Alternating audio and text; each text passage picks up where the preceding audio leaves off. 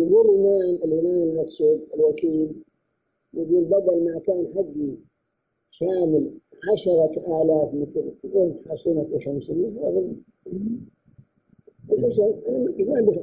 حق حق المسجد منتشر. إذا عجت خمسانية خلوا من الثاني. من الثالث أشبه ما لو كنتم أربعة من عيال تقاسمتها العيال أنت فلحت عليك ربع وعلى أخوك ربع وعلى أخوك الثاني والثالث. أنت عطلت حقك. إذا حق يطلق قابل حق أو ارجع يا إخوانك. يلزم اجبر على عمارة الأرض فإن عجز تعذر تعذر إجبارك ثم أنك ما حصلته ولا رحته ولا يمين ولا لكن إخوانك أمر. هل يرجع على إخوانك في المجموعة كله ولا على قدر حصته فإن ما يسلم إلا حصته يسلمون إلا حصص ما عليهم وهل هذا يتنشأ؟ الله يقول الله بالله هو عليه يقول ظلمتم يقولون نفسك. يقول حج عام في هذا الأمر. مثلا في هذا الأمر. وباقي ولا في إلا ربع حتى إن عطوه نعم حتى إن عطوه يرجع على خذ إلى المقصود اللي بكلام العلماء يقول ما يجوز حصره في مكان معين لأن فيه إضعافا للصبرة للمقدر كذلك لو كانوا يتقاسموا الأرض ما نقول كل نعم لا بأس كل إنسان يشيل حصته لكن لو تعطل جهة لازم تتسلم جميعا. لأن الحق حق الوقت ما تعين في جهة معينة يفوت بتعطلها بل هو عام إن صلح. هذا يجوز سلم يجوز كله يجوز الثاني يرجع عن نعم. يرجع على باقي أخوته. ما يرجع المهم في كلامه يمدان ما. ما يمكن أن يحصل في مكان معين ولا أنها تتجزأ. إذا جزأوها فيما بينهم سلطة مانع إذا كنا لكن لو تعذر تسلمها من أحدهم يجب الباقي نعم. بعيد عن الباقي لا كمال. لكن النفس جهة النفس يرجع عليهم. كان لهم عدد تراجع فيما بينهم فإن آثر بها أحدا صار الثاني أحق بها كالمست... أحق بها كالمستأجرة. فإن آثر بها أحد صار الثاني أحق بها كالمستأجرة. لأن قلت لك لا لا حق بها إلا أن تكون كالمستأجرة. نعم. ولا خراج على مزارع مكة والحرم. ولا خراج على مزارع مكة والحرم. لأنها لا يجوز إحياؤها فإنها كلها مشتركة للمسلمين. فهي مواضع نسك حجهم ومشاعرهم. فلا يجوز لأحد أن يتعرض لها بشيء بل مواد الحرم لا يجوز إحياؤه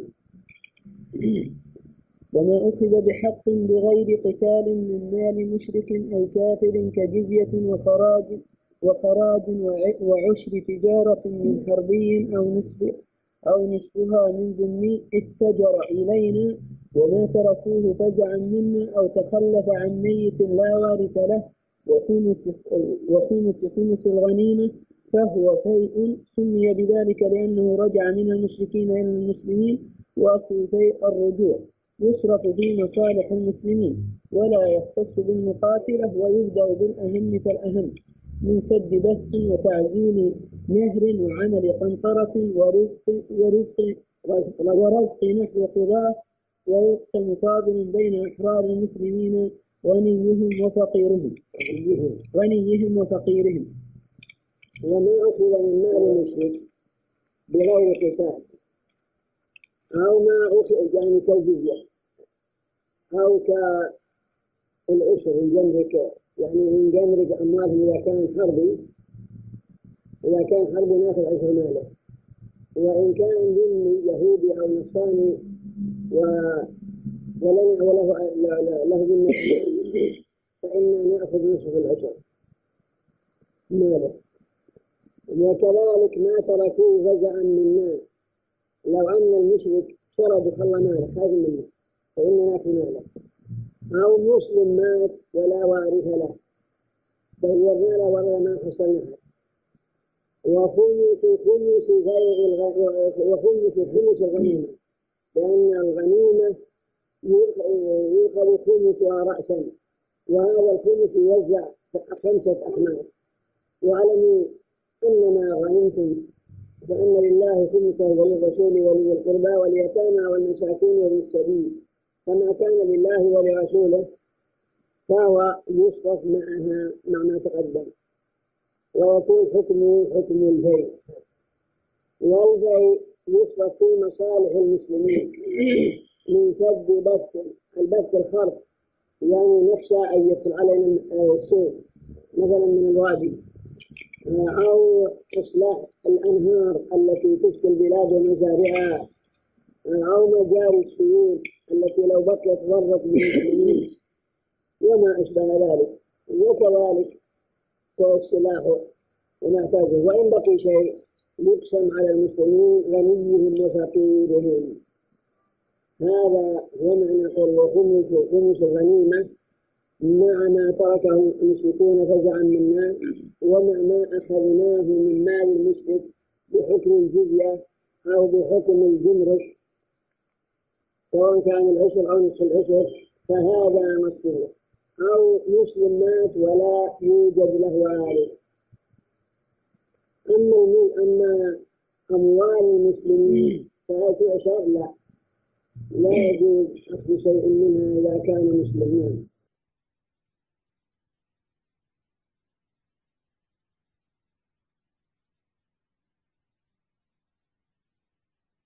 وعلى آله وأصحابه أجمعين.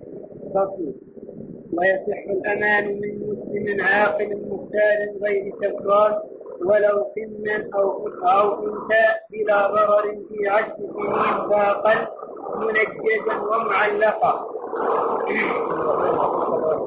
قال الأمان وفي أصل الهدنة وهذا زيادة من الشارع. حيث أن الماتن لم يذكر هذا الحكم وهو حكم الأمان وحكم الهدنة.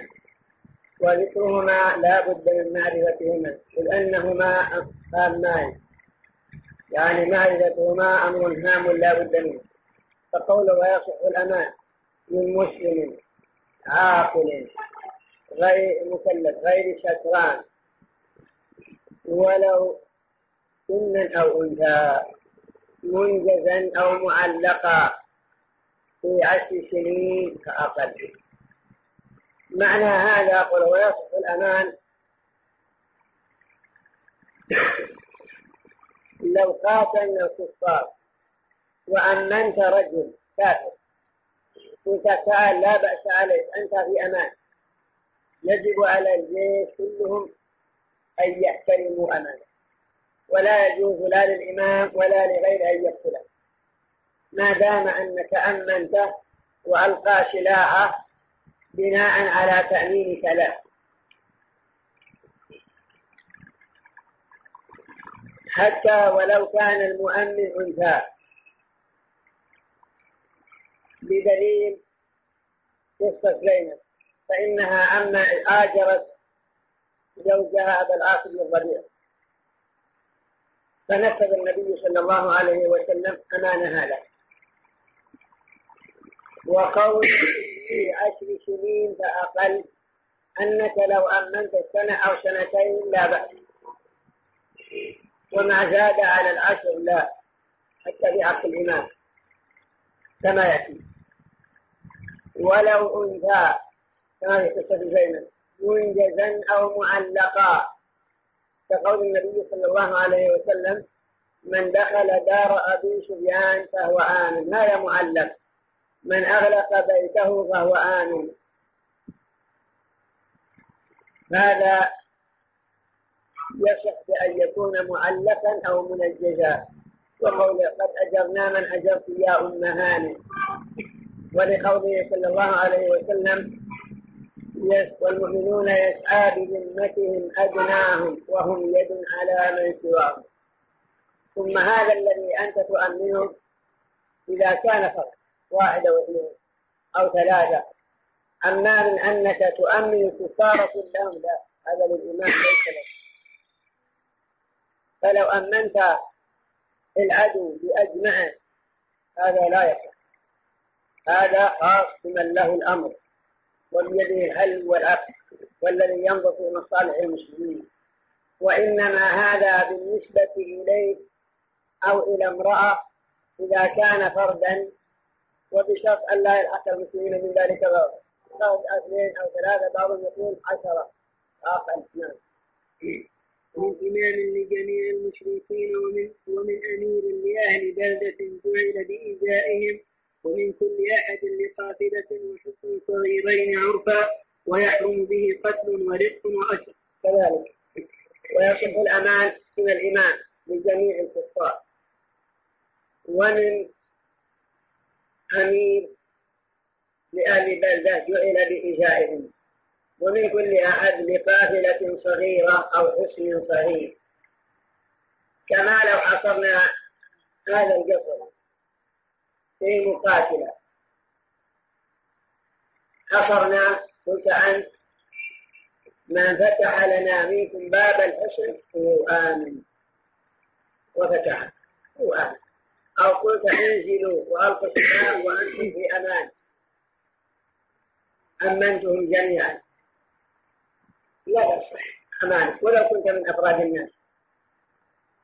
لحديث المؤمنون تتكافأ دماؤهم ويسعى بذمتهم أدناهم وهم يد على من سواهم.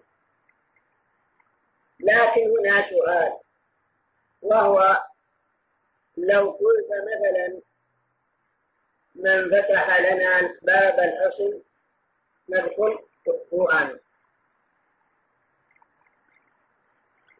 افتح واحد دخلنا واستولينا على في نوافذ اللي أمنا وتنفذ هذا أنا. كل مدعى أشبه عليه. كان نخرجه بقرعة ولا شيء يسوي. كانوا مثلا ثلاث رجال في القصر قلنا من فتح لنا باب الحسن هو آمن. وكل واحد منهم وفتح لنا ودخلنا لكن ما عرفنا ولا هو اللي له الأمان إيش نعمل؟ مدعى هل نخرجه بقرعة ونقتل الباقين أو نشتركهم؟ أو نقول لما اشتبه علينا هذا الذي أمناه لم يجد لنا قتلهم كلهم. خشية أن يكونوا خشية أن يكون الذي أمناه من جملة المقتولين؟ أو نخرجه بقرعة ونقتل الباقي ثم هل لو قلت نخرجه بقرعة هل القرعة نستحل بها الدماء؟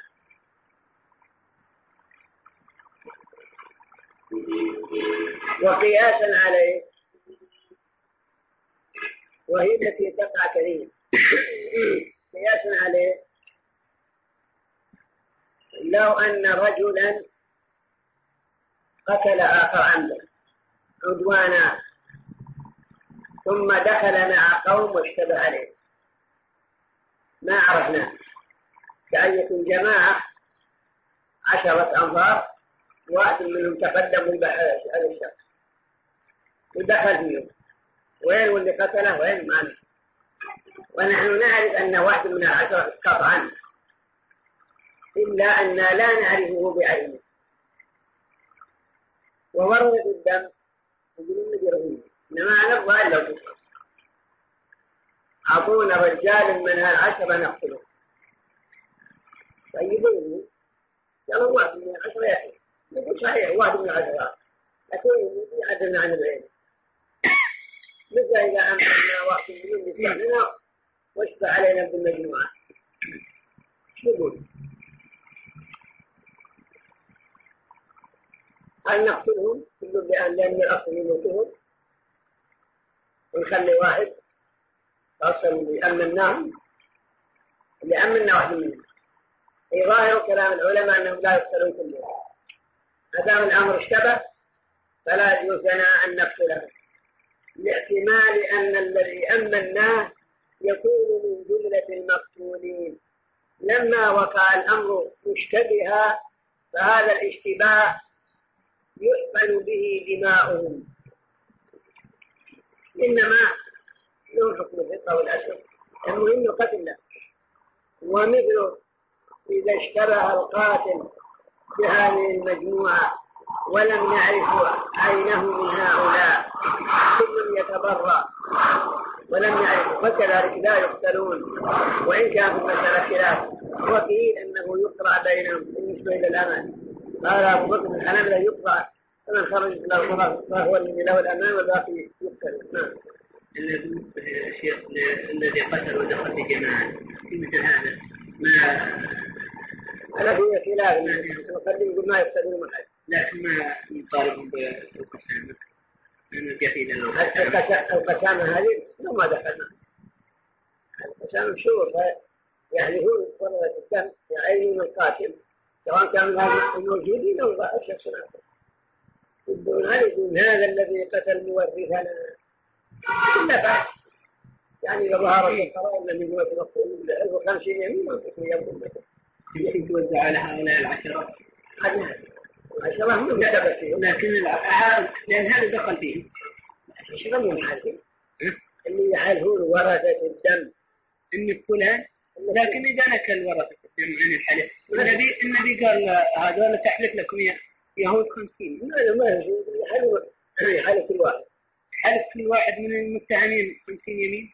لا واحد. يعينون الحلف الواحد يعينون يعينون قتل هذا كل الحلف النبي قال تبرئكم. شن جوز. ولا لا؟ ما لهم عدد.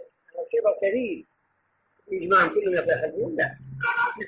هذول قليلين عشرة لكن دول الرسول تبرئكم يهود. كبيرين يعني يتهمون يعينون القاتل ولا يعينون يحلم عليه يقولون أمرهم وإلا إذا لم يعينوه واحد يحلم ومن طلب الأمان ليسمع كلام الله ويعرف شرائع الإسلام لزم إجابته ثم يرد إلى مأمنه. والهدنة.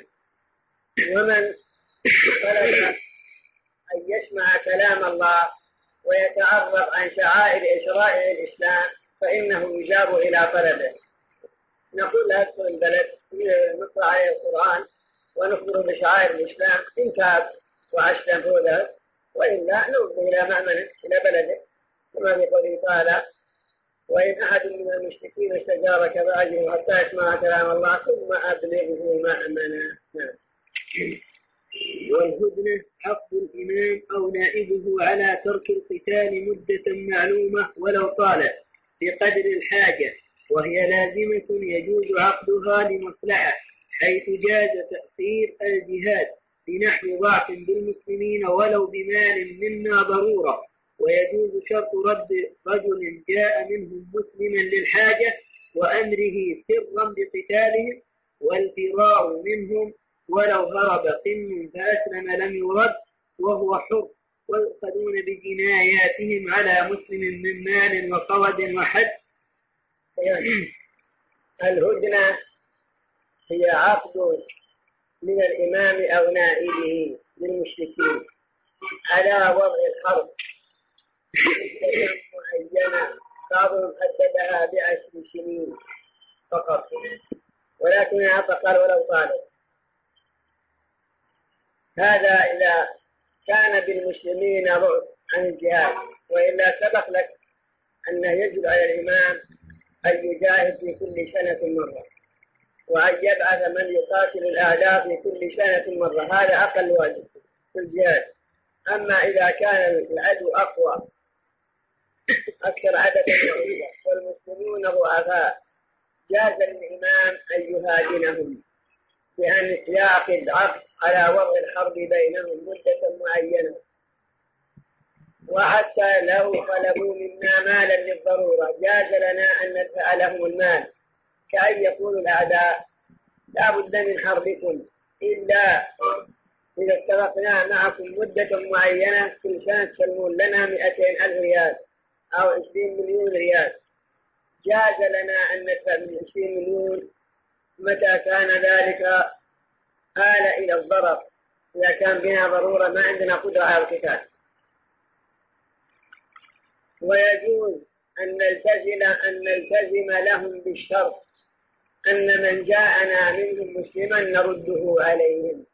ومن جاءهم منا كافرا لا يردونه علينا. كما في قصة الحديبية.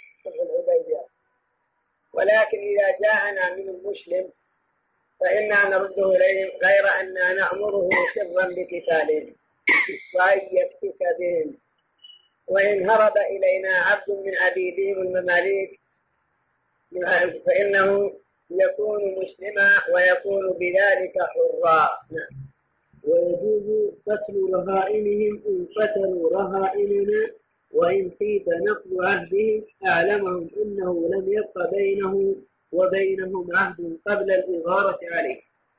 ويجوز قتل رهائنهم إن قتلوا رهائننا وهم الأسرى إذا كان عندهم لنا أسرى وقتلوهم قتلنا ما بأيدينا من أسراهم وإذا لم يقتلوهم لم نقتل ما, ما بأيدينا.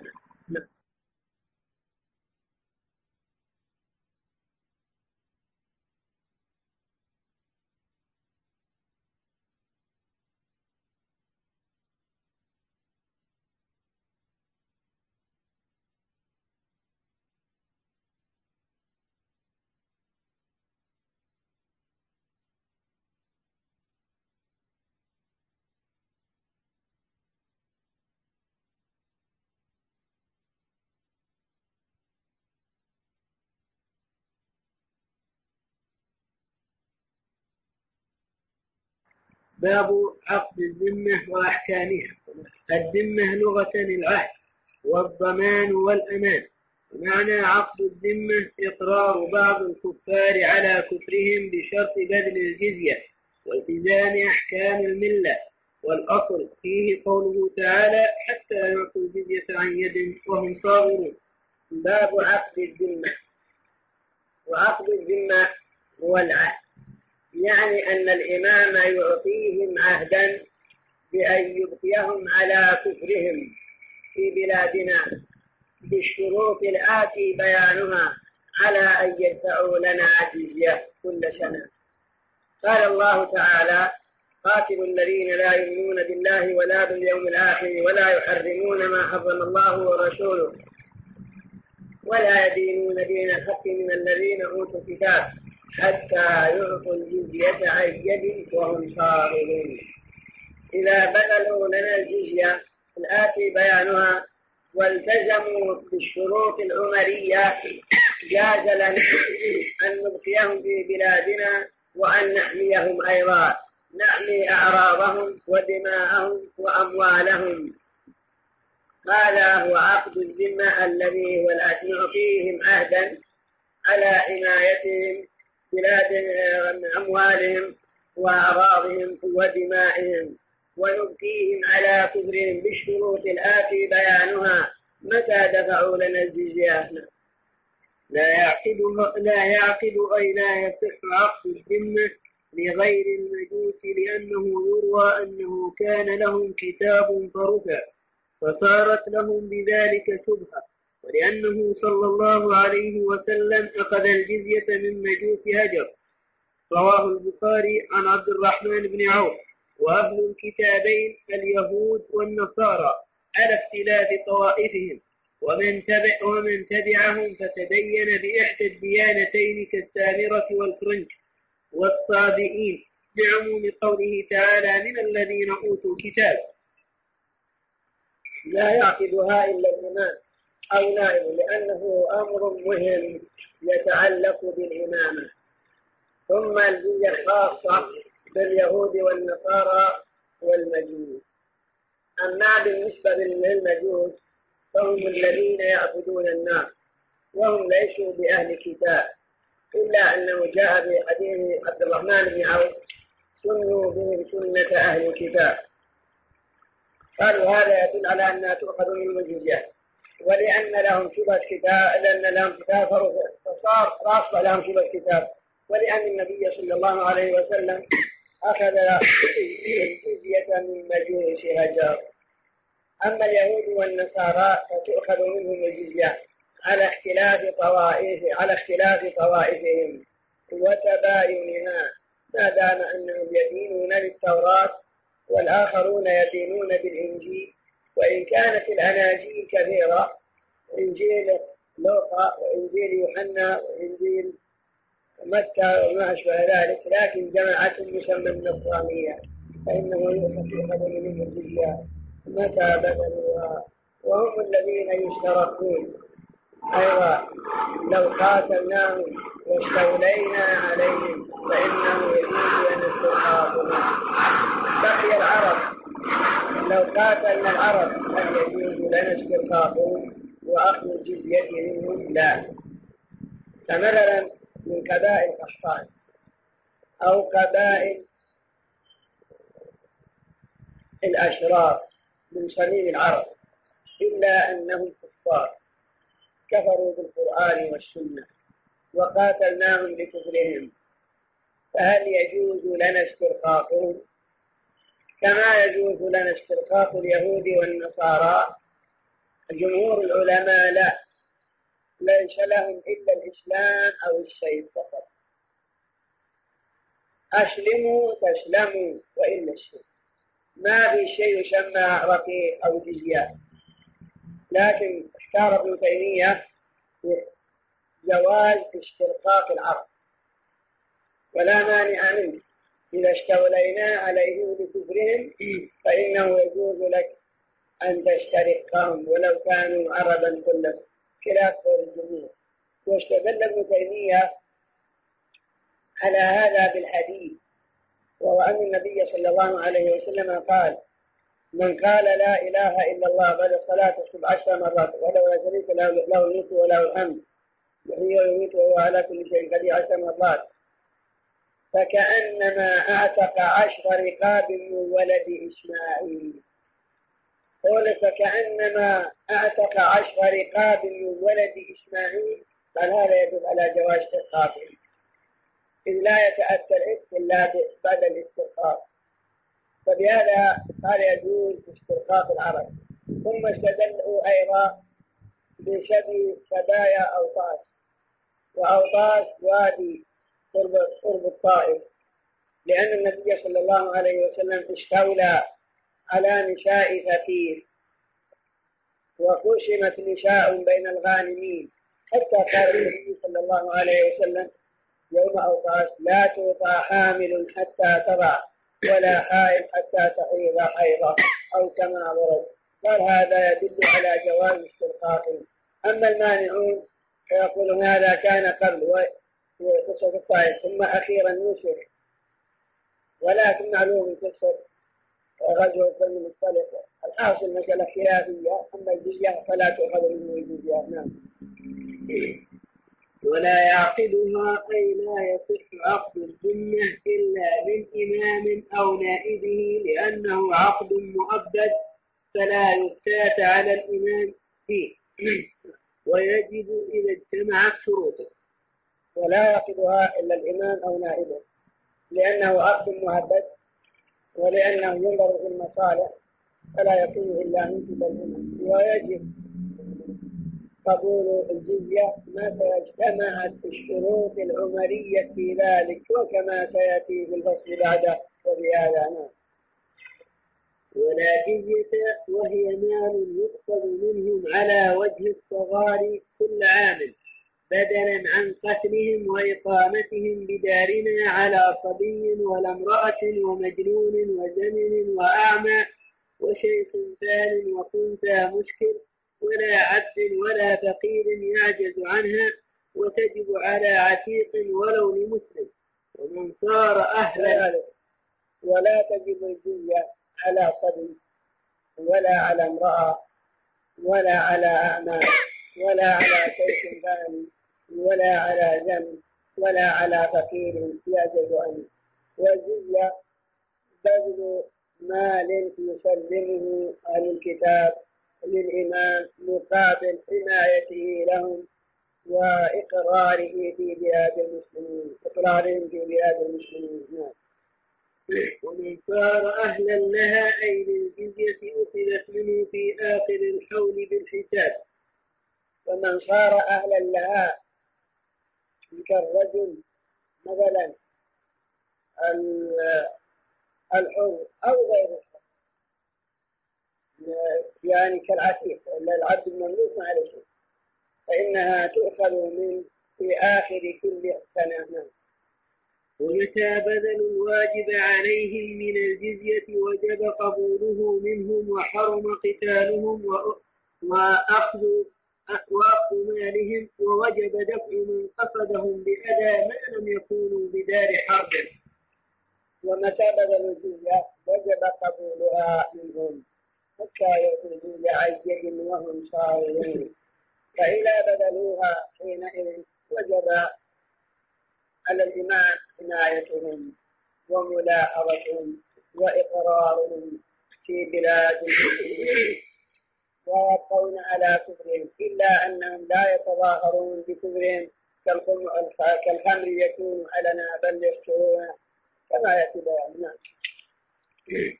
ومن أسلم بعد الحول سقطت عنه ومن أسلم من اليهود والنصارى بعد الحول سقطت عنه ترغيبا له بالإسلام. نعم. ويمتهنون عند أخذها أي أخذ الجزية. ويطال وقوفهم وتجر أيديهم وجوبا لقوله تعالى وهم صابرون ولا يقبل إرسالهم ويطال وقوفهم يعني عندما يأتي يسلم جزيته لك ينبغي بل يتعين أنك تهينه. وتخليه واجب فهو في عذر كنت جرب يده بقوة أيوة فلو أرسلها مع شخص لا تقدر. فهل يرسل لك المبلغ من المال؟ قال هذه الجزية استلموها لا كل إنسان لابد يأتي بجزيته لأن الله يقول حتى يؤتوا الجزية عن يد وهم صاغرون. ومن صغارهم ألا يقبل منهم إرسالها وأن يطال وقوفهم عند تسليمها وأن تجر أيديهم بالعنف عند تسليمها ويمتهنون عند تسليمها. لأن هذا هو معنى الصغار الذي هو الإذلال والاحتقار تكلف في تأويل الصغار خصوصا عند الكتاب المستفيد إيش؟ تكلف في تأويل الصغار هنا خصوصا عند الكتاب ليس معنى يعني في إذلال هذا. إنما لا يكون من سلطة ولا لا يكون من سلطة المسلم ما له سلطة ما له يعني ما يكون الأحكام ها؟ بس يبعدون تأويل الصغار عن ما هذا من جهلهم. القرآن نزل بلغة العرب. بلسان عربي مبين. نرجع إلى معنى الصغار في اللغة وإلى ما فسره به الصحابة الذين تعلموا القرآن من رسول الله صلى الله عليه وسلم؟ ما معنى الصغار؟ ولهذا قبل أن يذكر الصغار ذكر صفاتهم بأن قال قاتلوا الذين هذا أمر بالقتال وهو إزهاق الأرواح وسفك الدماء. قاتلوا الذين لا يؤمنون بالله ولا باليوم الآخر ولا يحرمون ما حرم الله ورسوله ولا يدينون دين الحق. ذكر أقبح صفات لهم من أنهم لا يؤمنون بالله ولا يؤمنون باليوم الآخر ولا يحرمون ما حرم الله ورسوله ولا يدينون بدين الحق. حتى يؤتوا الجزية عن يد وهم صاغرون مقابل تلك الصفات التي بسببها أخذنا منهم الجزية. فمن كانت هذه حالته لا يذل ولا يحتقر بل دم الذي أعظم أعظم الاحتقار. دم حلال لنا لولا العفو فكيف يبيح الله لنا دم بأن نقتل ونأكل مالا ونسترق نساء أي صغار أكبر من هذا؟ ثم ننتقل إلى صغار أكبر من هذا.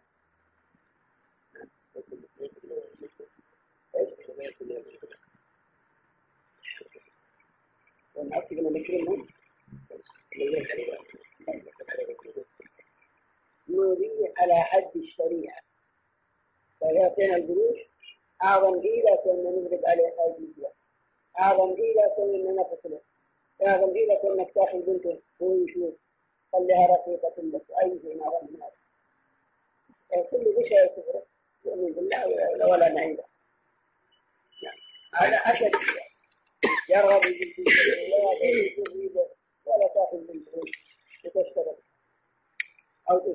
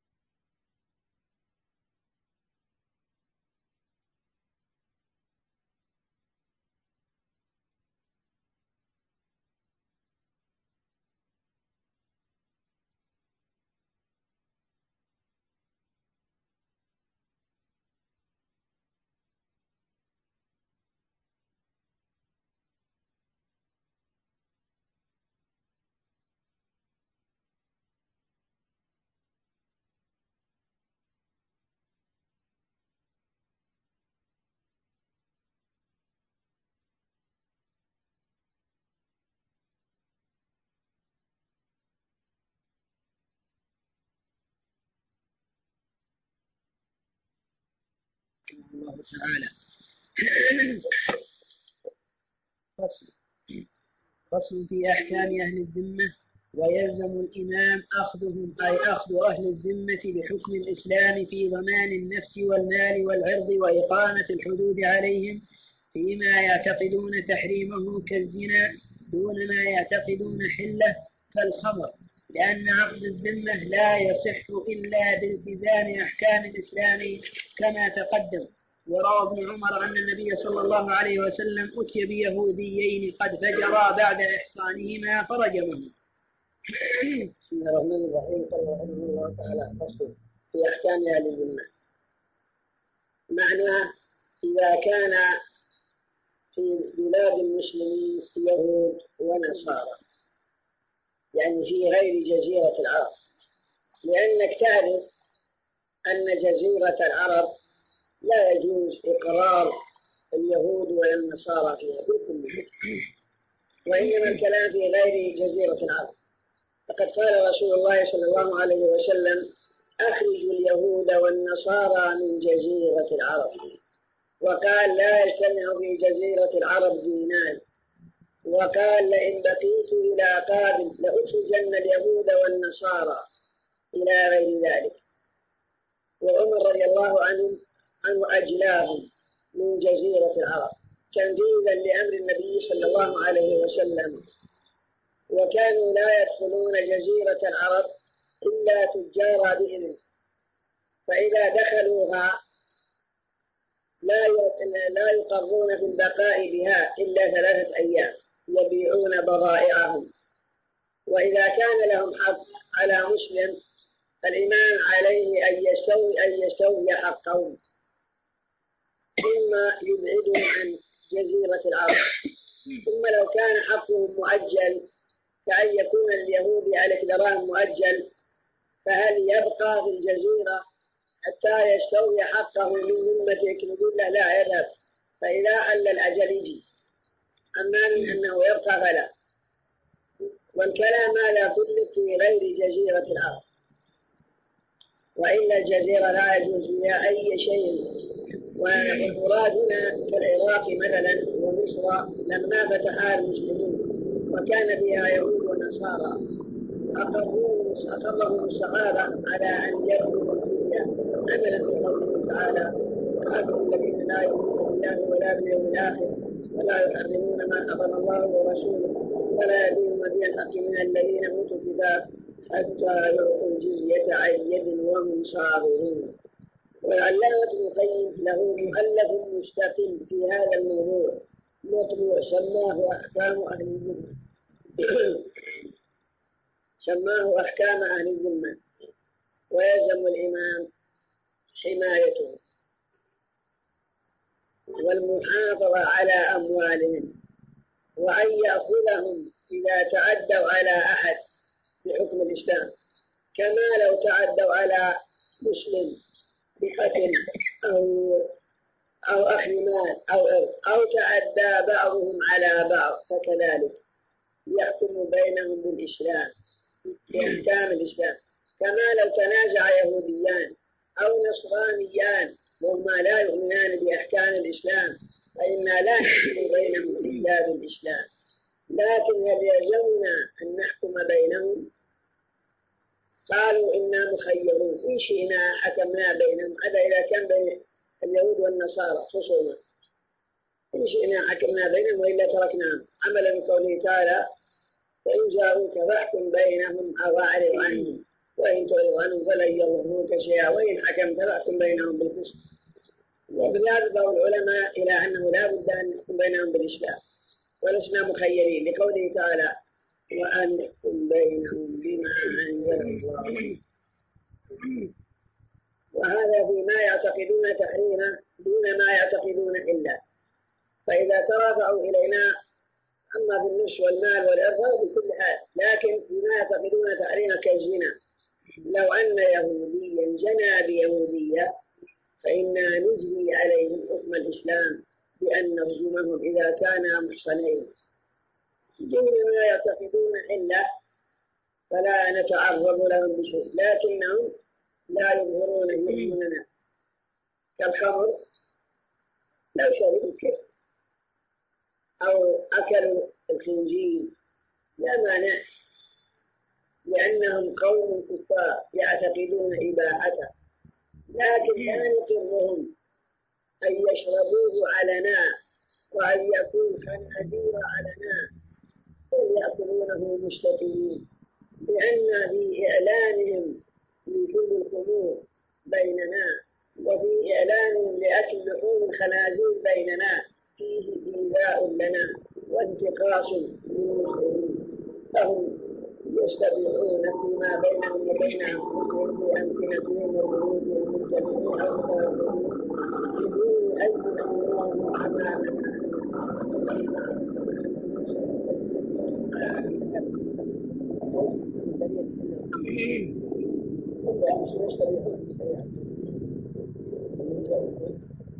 يعني في حتى لو روايات يشد وقتها في شرائع الصحيح هذا محرم. كم؟ تقول محل الخمر الشرائع الصحيح هذا محرم. لا يشتبهون لم يشتبهون يرون هذا ودين لكن هل يجوز؟ ولا الشريعة هيمنت على الشرائع كل الشريعة شرائع الظلم ولا شريعة المحرم عبادة الحوث وهذا العصر لا ظاهر يشتبهون بالنسبة لإقامة الكنائس هذول في مكان أعمال في الجزيرة هل يجوز؟ ولا يجوز حرام أي الذي يتأسى منه بالاتباع ومع الأسف أبو أدراك مع أبو ظبي ودبي والشارجة وعمان كلهم الكويت كلهم نعوذ بالله بنوا الكنائس مليون مسجد وكنيسة ودبي إذا تريد بناء مسجد أذن لك واللي يريد بناء كنيسة جنب المسجد يأذن لك وسبق وإذا المهد من جهة رابطة العالم الإسلامي للتضامن معهم لكن لم يسمعوا شيء في تحديد الجزيرة كان العلماء معروف من أمر أبي موسى إلى سائل جدة وإنه من عدن ومن عدن عدن أبين من عدن أبين إلى مشارق الشام أقل من الجو وهذا بعضهم يخرج الإنحاء اللي يخرج من الجزيرة وكذلك كلمة يخرجون من الجزيرة يقول لو سكن اليهود أو النصارى لا بأس. لكن لا يحتاج إلى الوضع هذا وراء المصدر. بالنسبة لاستخدام العمالة الأجنبية النصرانية أو غيرها. استخدام العمالة يعني العمال غير المسلمين. ومع وجود الأيدي العاملة المسلمة.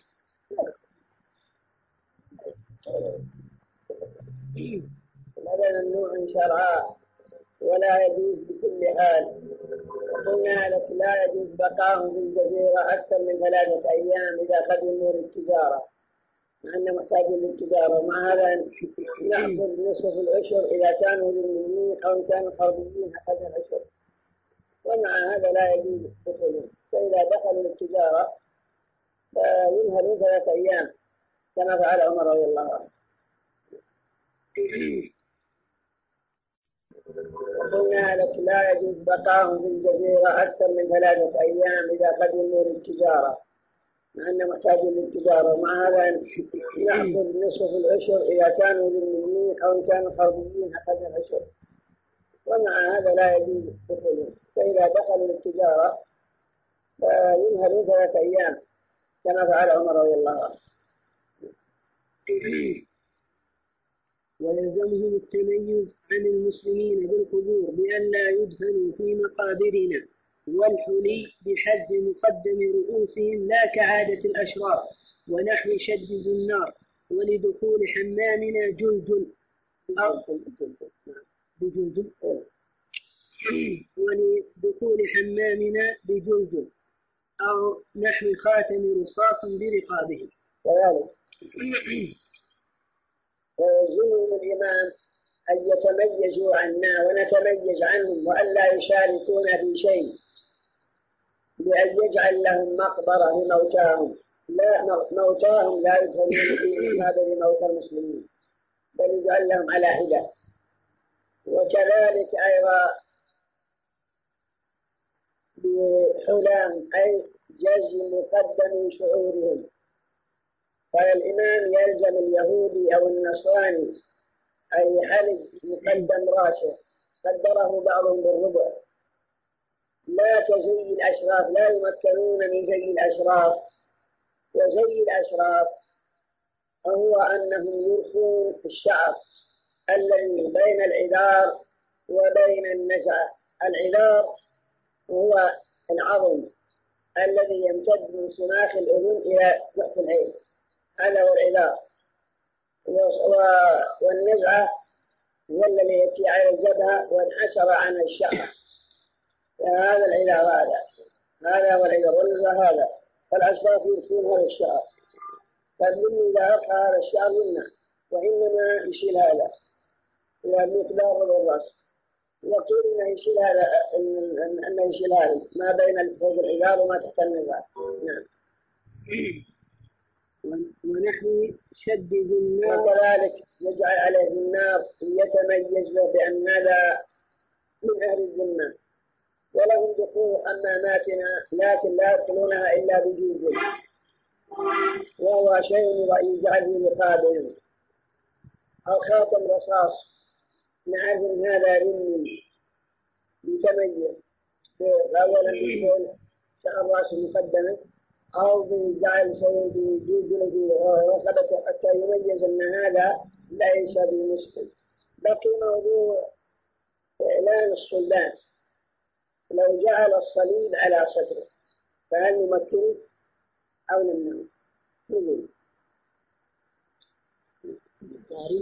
مثل الناقوس لأن ناقوس خير والمقصود يعني لا يجوز أن نقرهم يمشي صدره على الصليب. لأن هذا إظهارا لشعاره وليس بإهانة لهم. نعم. نعم. ولهم ركوب غير خيل كالحمير في غير سرج فيركبون بإكاف وهو الدردعة لما روى الخلال أن عمر رضي الله عنه أمر بجز نواصي أهل الذمة وأن يشدوا المناطق وأن يركبوا الأكف بالعرض كذلك ولهم ركوب يعني ما يمنعهم من ركوب الحمير لكن لا يجعلها والبغال لكن لا يجعل لها شيء. بل بإيكاف الإيكاف الإثارة اللي يسمي البلفعة يحطها حبة الليل وتبسط على ظهره. ما يركب. ثم ركوبهم ليس كركوبنا. لا نمكن أن يركبوا من ركوبنا. بل يصير عرض. يعني يصير رجلين مع جانب واحد. والجانب الثاني ما في شيء. ما هو يجعل رجل اليمين واليسار يركب مثل ما يركب المسلمون لا. إنما إذا ممكن يركب بحيث يصير يده اليمنى أو اليسرى فوق رأس الحمار والأخرى الجنب.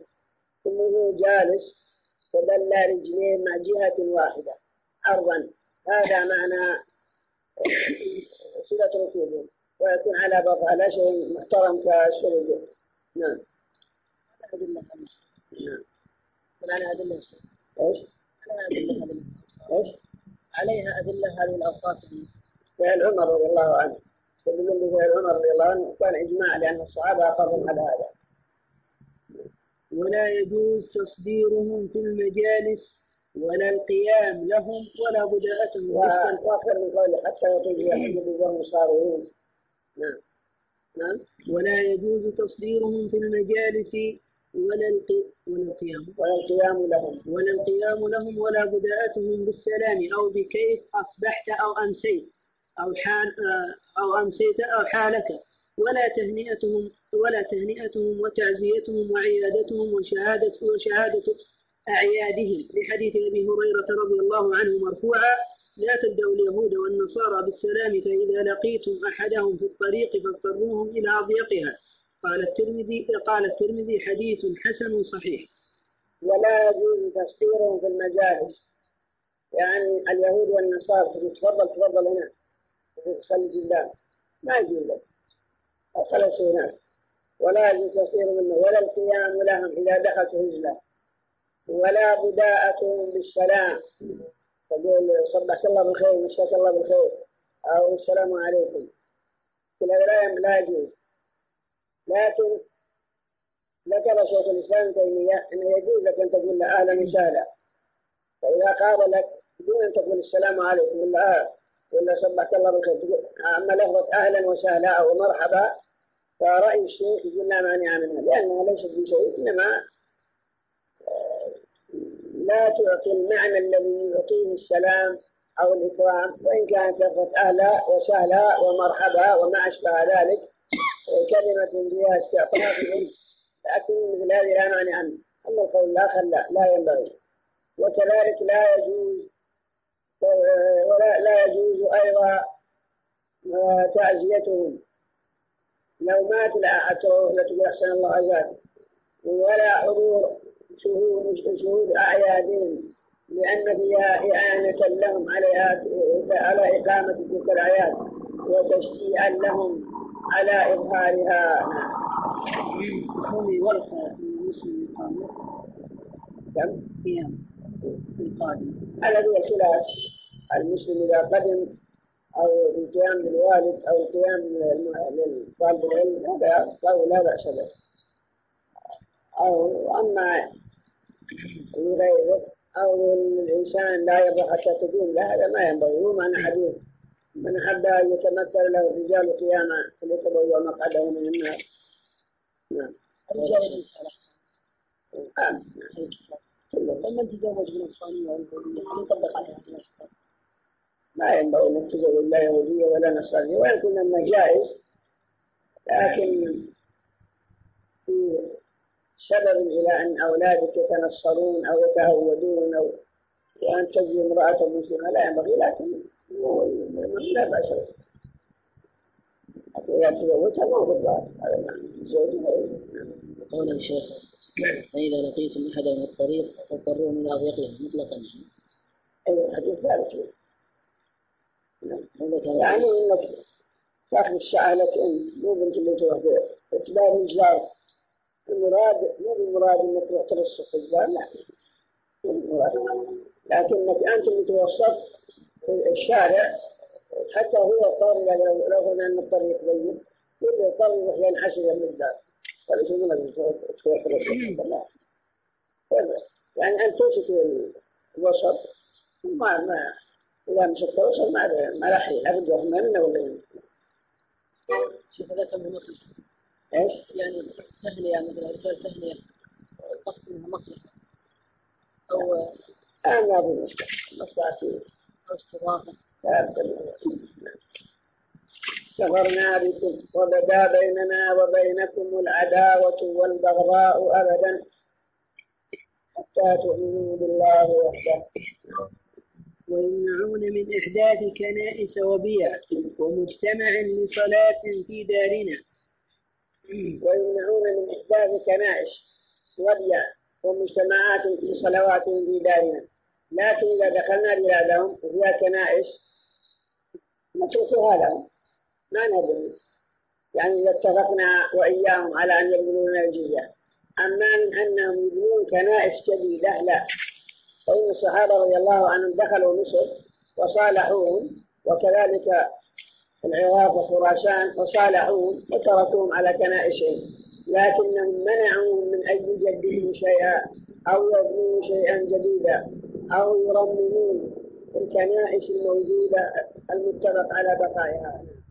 ومن بناء من هدم منها ولو ظلم لما روى كثير بن مرة قال سمعت عمر بن الخطاب رضي الله عنه يقول قال رسول الله صلى الله عليه وسلم لا تبنى الكنيسة في الإسلام ولا يجدد ما خرب منها.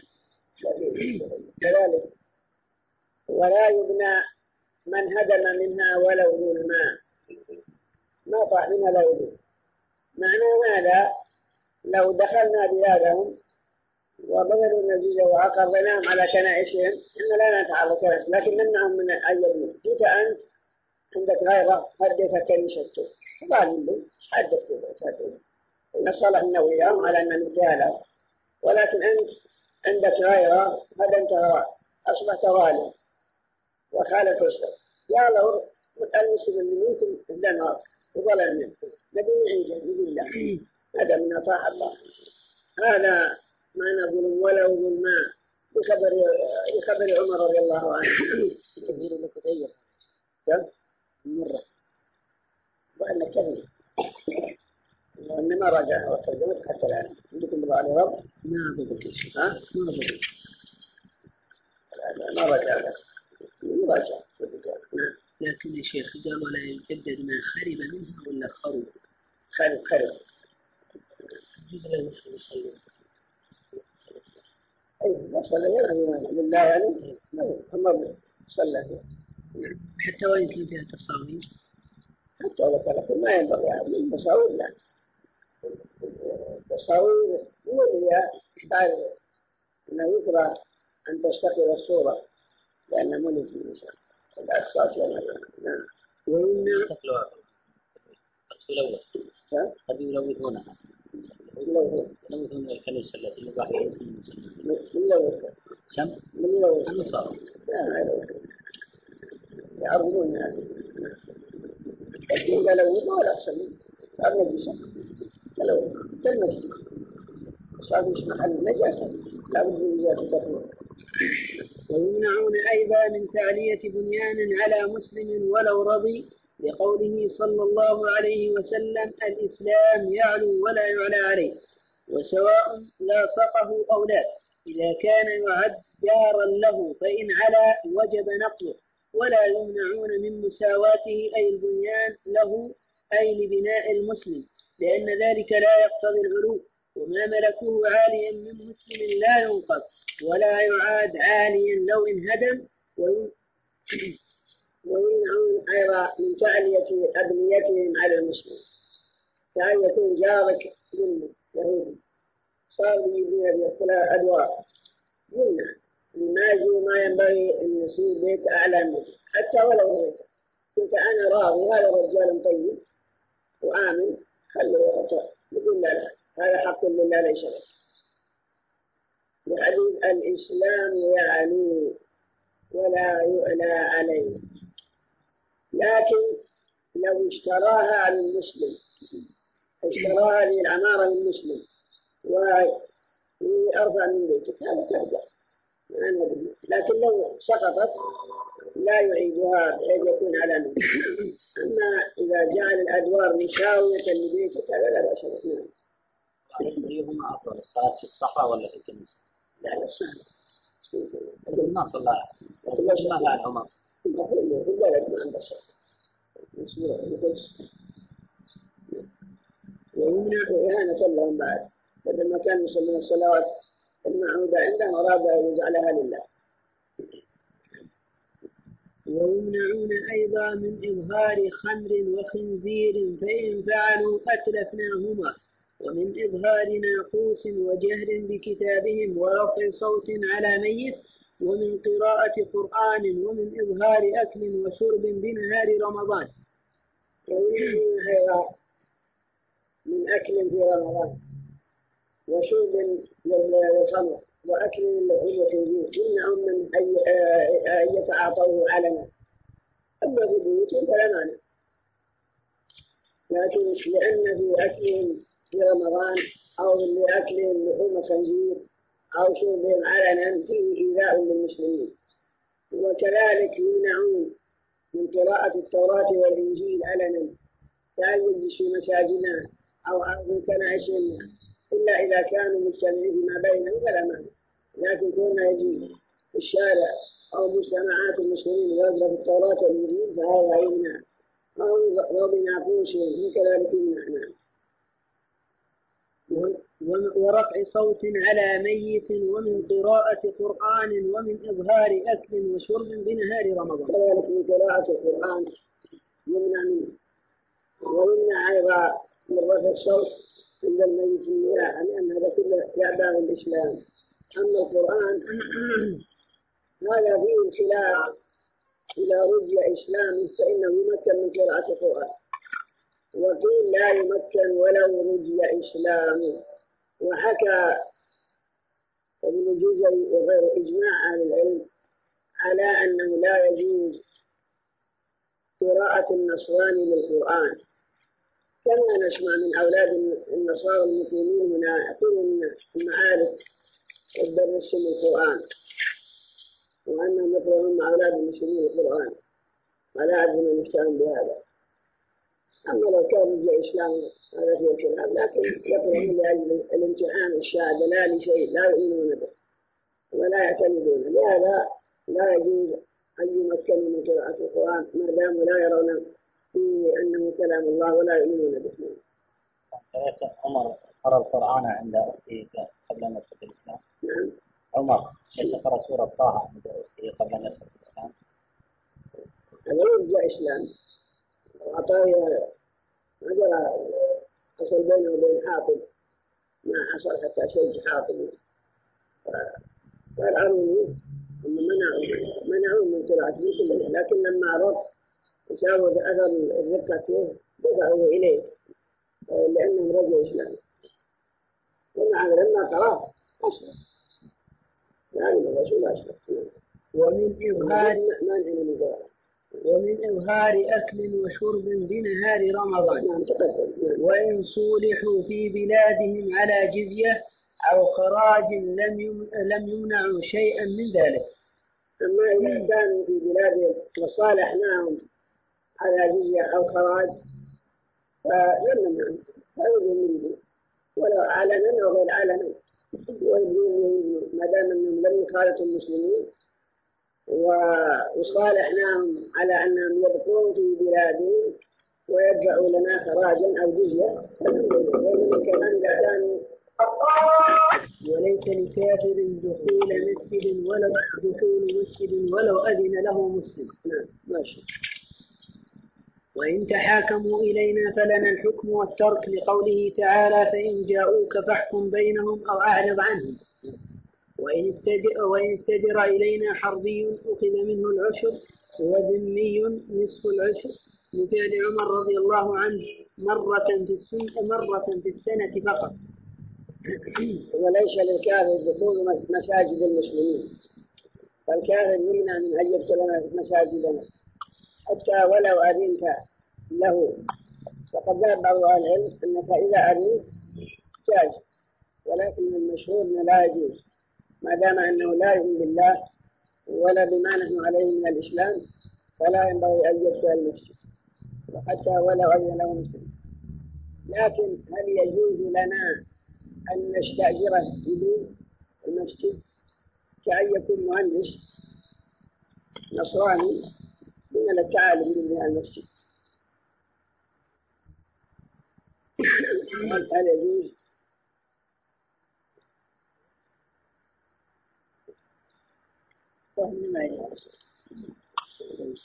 مسجد لا عندهم يجي ما بعد صار مسجد حتى الآن. وثم هو ما دخله إلا يعني لعمارة المسجد وهي بناؤه وإصلاحه ففرقا بين دخوله بدون فائدة وفرقا بين ما إذا كان لمصلحة المسجد. بالبناء فهذا لا بأس كذلك وإن تحاكموا إلينا نحن مخيرون. إن شئنا يعني كان بين بين يهودي ويهودي أو نصراني أو نصراني أو يهودي ونصراني إن حكمنا بينهم حكمنا بالحق وإن تركناهم لا مانع. والقول الآخر لا بد أن نحكم بينهم. أما إذا كان بين يهودي ومسلم لا هذا يجب أن نحكم بينهم. نعم. وإن ربط النبي صلى الله عليه وسلم أمام المكات المسجد أيضا عن الجواز شوف ربط النبي صلى الله عليه وسلم أمام المكات المسجد. ألا على جواز دخول الكافر لقد يكون لكن هذا من باب الإهانة لأن الرسول ما عنده حبس يسجل الناس.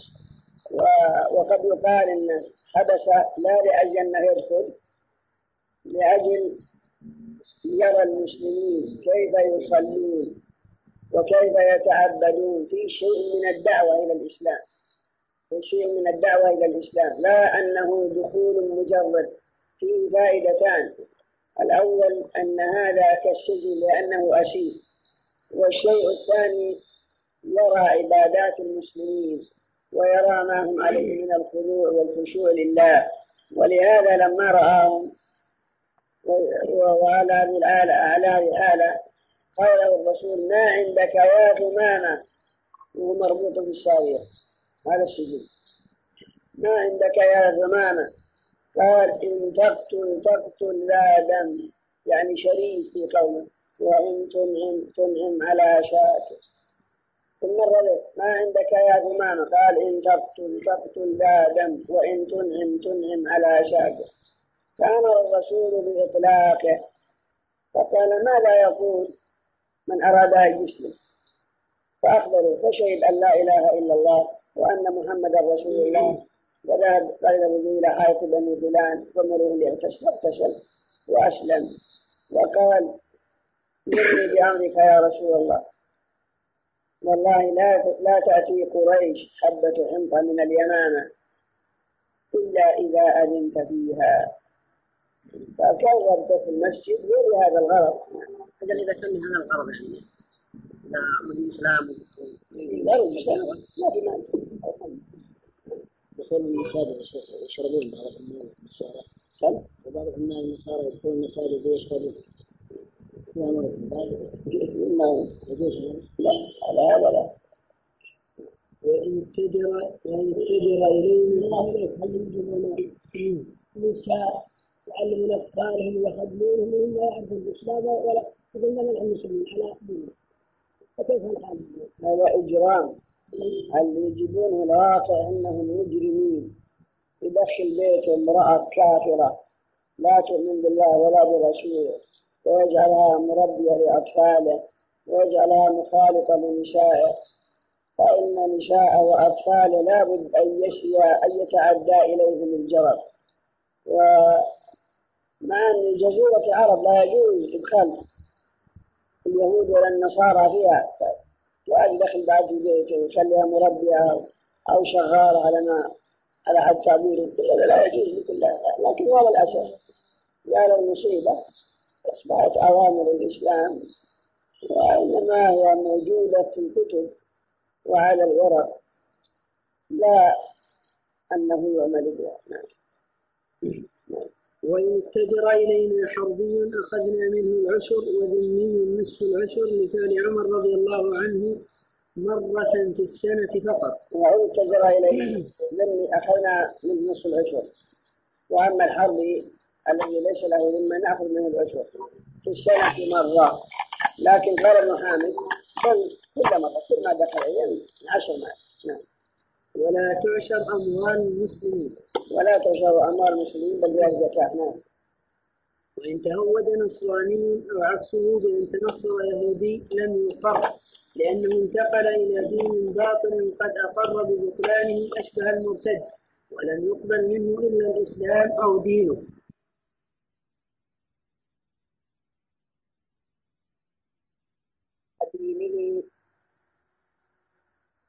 انتقل من دينه إلى دين يعتقد بطلانه. فهذا النصراني تهود يقول لا أرجع إلى دينك إلا إلى الإسلام. ارجع على النصرانية وإلا الإسلام.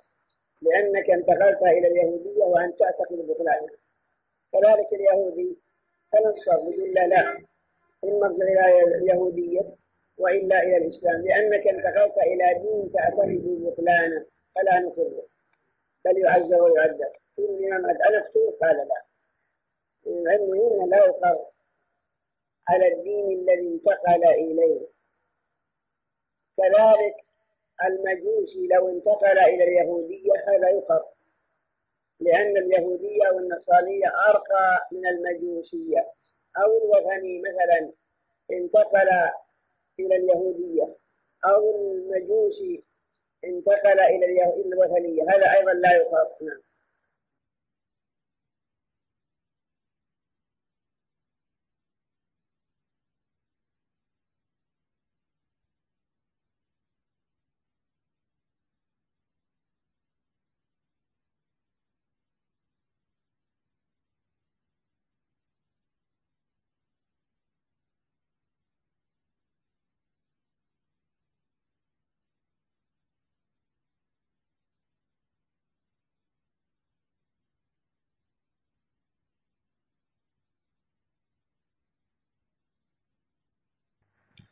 فصل فيما ينقل فإن الذمي بدل الجزية أو الصاع أو التزام حكم الإسلام أو قاتلنا أو تعدى على مسلم في قتل أو أو زنا بمسلم وقياسه اللواء أو تعدى بقطع طريق أو تجسس أو إيواء جاسوس أو ذكر الله أو رسوله أو كتابه أو دينه بسوء. انتقى عاده هذا الفصل فيما ينتقض به عهد الذمي. تقدم لنا أن أهل الذمة متى بذلوا الجزية بالشروط السابق بيانها أجيبوا إلى ذلك.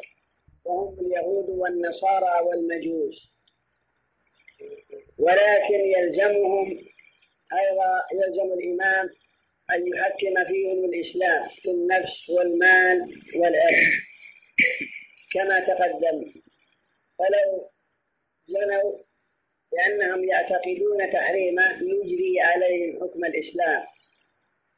وكذلك آه، لو شربوا الخمر فإنا نقر أو أكلوا الخنازير وإن كان محرم في شرعنا فإنا لا نتعرض لهم بشيء إلا أن نمنعهم أن يكون هذا علنا بل يشربون الخمر في بيوتهم ويأكلون الخنزير في بيوتهم ويفطرون في نهار رمضان في بيوتهم. لا يؤذوننا بأن يفعلوا هذا علنا وكذلك لا نمنعهم من أداء عباداتهم سرا بدون أن يؤذوننا كما تقدم.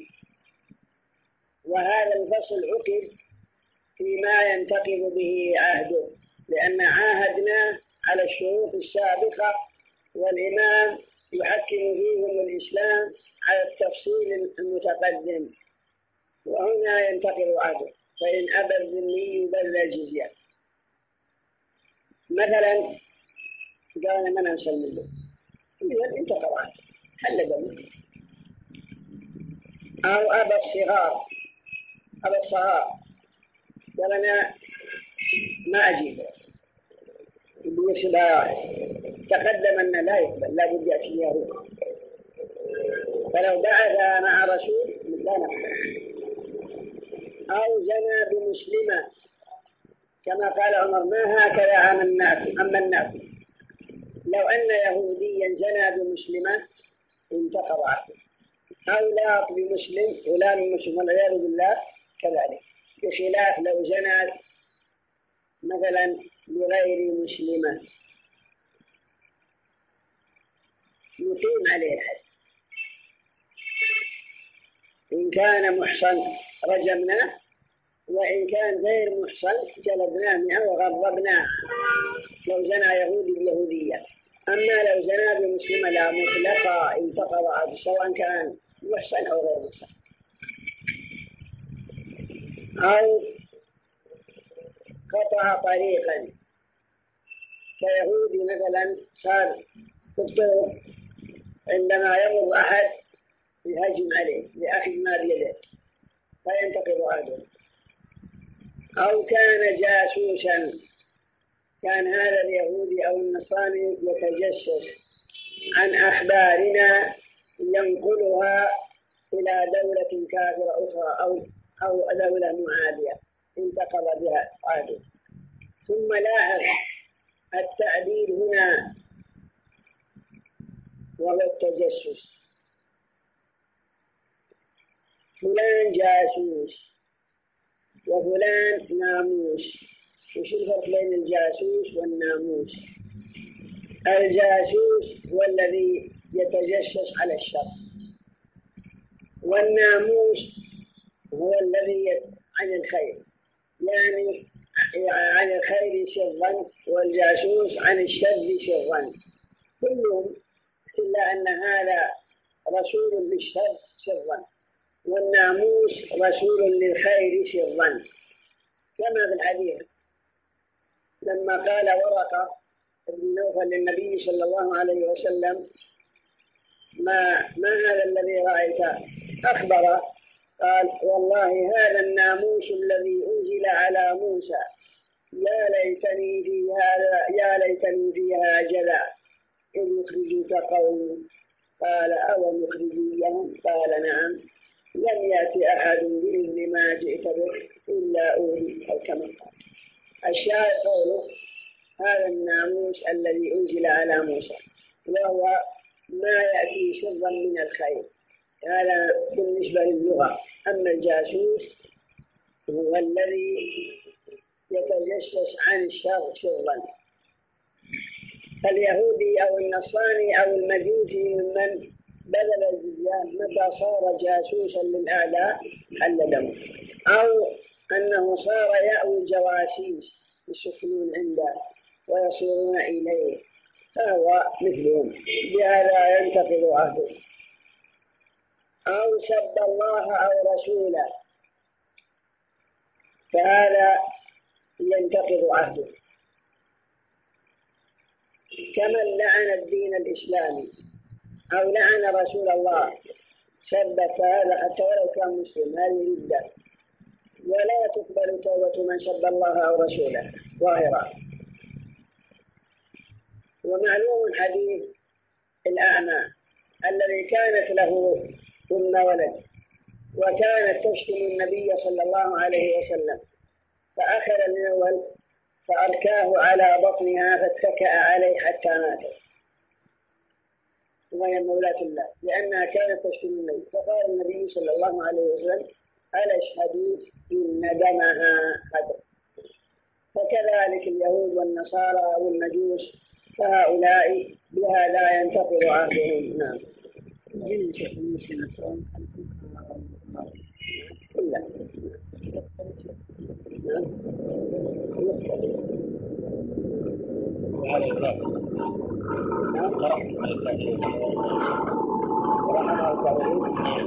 إن الله لعن الكافرين وأعد قالوا فيها أبدا لا فيها ولي ولا نصر الله لعنهم وترحم عليهم الشخص يقول رحم الله أبا جهل في زمان يعني في زمان قديم سمعت هذا الكلام يعني يتردد بهذه الكلمة يعني يبطل جاهل إذا عرف ما تسمى إذا عرف قال من هذا خطأ هذا مفتي على كله أقول هذا خطأ ما ينبغي هذا لكن ما ما, يصير هذا ويصير ردة لا ما من عرف على الله لا. لا بد يعرف يمكن ما شبهة عرفها يمكن ما يعرف جهل وش أنا زي أبو جهل ولا عمر بن الخطاب ما يجوش حتى بين هذا وهذا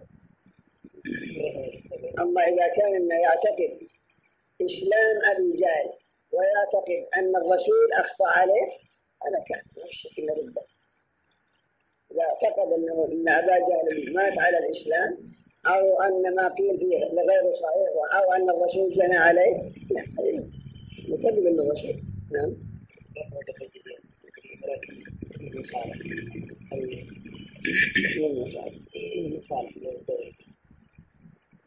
لا لا لابد يسلمون يكتب إذا كان في مصلحة عامة هذا شيء آخر. يعني مصلحة عامة للمسلمين. هذا شيء آخر. نعم. إذا سب دينه أو ردة إذا سب دينه ردة يخرج يخرج عن الإسلام. دينه دينه نفس الكاميرا. ينتقل عهده الوليد شو يقول الوليد يزيد تبع المدينة يزيد. يزيد. يروى قال أنه قال انني صرت من الأشياء أو قال ليت الاشياء ترون يعني عن بدر هذا ليس اشياء ليس من ليس اشياء في نظر يقال انها لا تصح. هذا مثل بالزبارة ضرب على بالزبارة.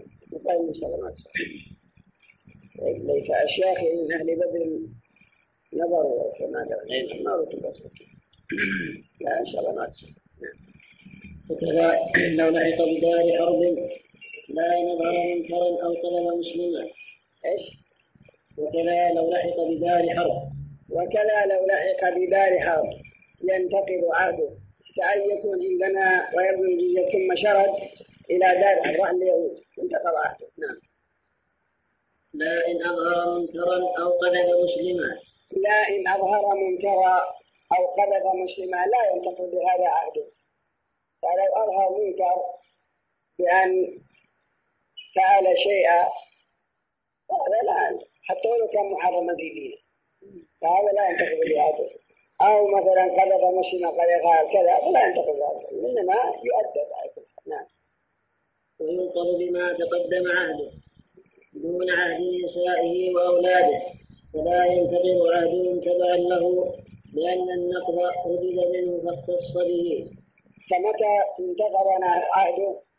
بشيء من الأمور السابق بيانها كمن كان جاسوسا أو قطع طريقا أو سب الله ورسوله أو ما أشبه ذلك وقلنا انتقض عهده. فهل ينتقض عهد نسائه وأولاده؟ لا. بل نساؤه وأولاده هم على عهدهم وإنما ينتقض عهده فقط. لا يجني جان إلا على نفسه. نعم. وحل دمه ولو قال تبت. وحل دمه وماله حتى ولو قاتل فإنه لا يقبل. في الظاهر. أما في الباطن فيما بينه وبين الله هذا شيء آخر. لكن في الأمور الظاهرة حتى ولو قاتل كما وقع في قصة ابن عقيل الحنبلي. وذلك أن زنديقا سب الله ورسوله. فحكم وأفتى ابن عقيل بقتله.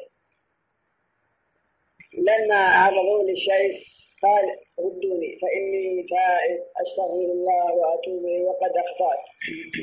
قيل لابن عقيل إن الرجل تاب وأقلع عن الذنب. قال اقتلوه. ألم تقرأوا قوله تعالى فلما رأوا بأسنا قالوا آمنا بالله وحده. وشاف الشيخ قال آمنت بالله وحده. فلم يكن ينفعهم إيمانهم لما رأوا بأسنا. هذه ينفعهم. لأنه ما أسلم إلا لما رأى طريق السوء. فلم يكن ينفعهم إيمانهم لما رأوا بأسنا. ولو قال كنت فيخير فيه الإيمان كأسير كأسير حربي بين قتل ورفق ومن وفداء بمال هذا هذا على هذا. لو قال كنت يخير الإيمان فيه بين قتل فإنه جائز. أو أسير وفداء أو يركب أسير مسلم. أو استرقاق. لكن معروف أنه يقتل لا سيما إذا كان سب الله ورسوله. فإنهم ذكر الشيخ في الدين. وهم أيضا قالوا ولا تقبل توبة من سب الله أو رسوله في الأمر الظاهر. لكن مراد ولو قال تبكي هذا في غير سب الله ورسوله. كمن تجسس أو آوى جاسوس أو قطع طريقا وقال تب فهذا هو الذي يخير به الإمام بين قتله وبين رقه وبين فك مسلم أسير به. وأما إذا كان ردته بسبب سب الله ورسوله فلا. وقد ألف شيخ الإسلام ابن تيمية كتابا مستقلا في هذا الموضوع سماه الصارم المسلول على شاتم الرسول. نعم. وحل ماله. لأنه لا حرمة له في نفسه. بل هو تابع لمالكه فيكون شيئا وإن أسلم حرم قتله. وإن أسلم ينحل دمه وماله وإن أسلم ورجع الإسلام حرم قتله. هذا ما لم يكن ردته بسبب سب الله ورسوله. فهذا حتى ولو كان. لا بد من قتله. وأما توبة كانت صحيحة فيما بينه وبين الله. نعم. وبنهاية هذا المجلس ينتهي شرح فضيلة الشيخ العلامة عبد الله بن محمد بن حماد رحمه الله على هذا الكتاب. نسأل الله عز وجل أن يجعل ذلك في موازين حسناته وأن ينفعنا به. إنه سميع مجيب. وصلى الله وسلم على نبينا محمد وعلى آله وصحبه أجمعين.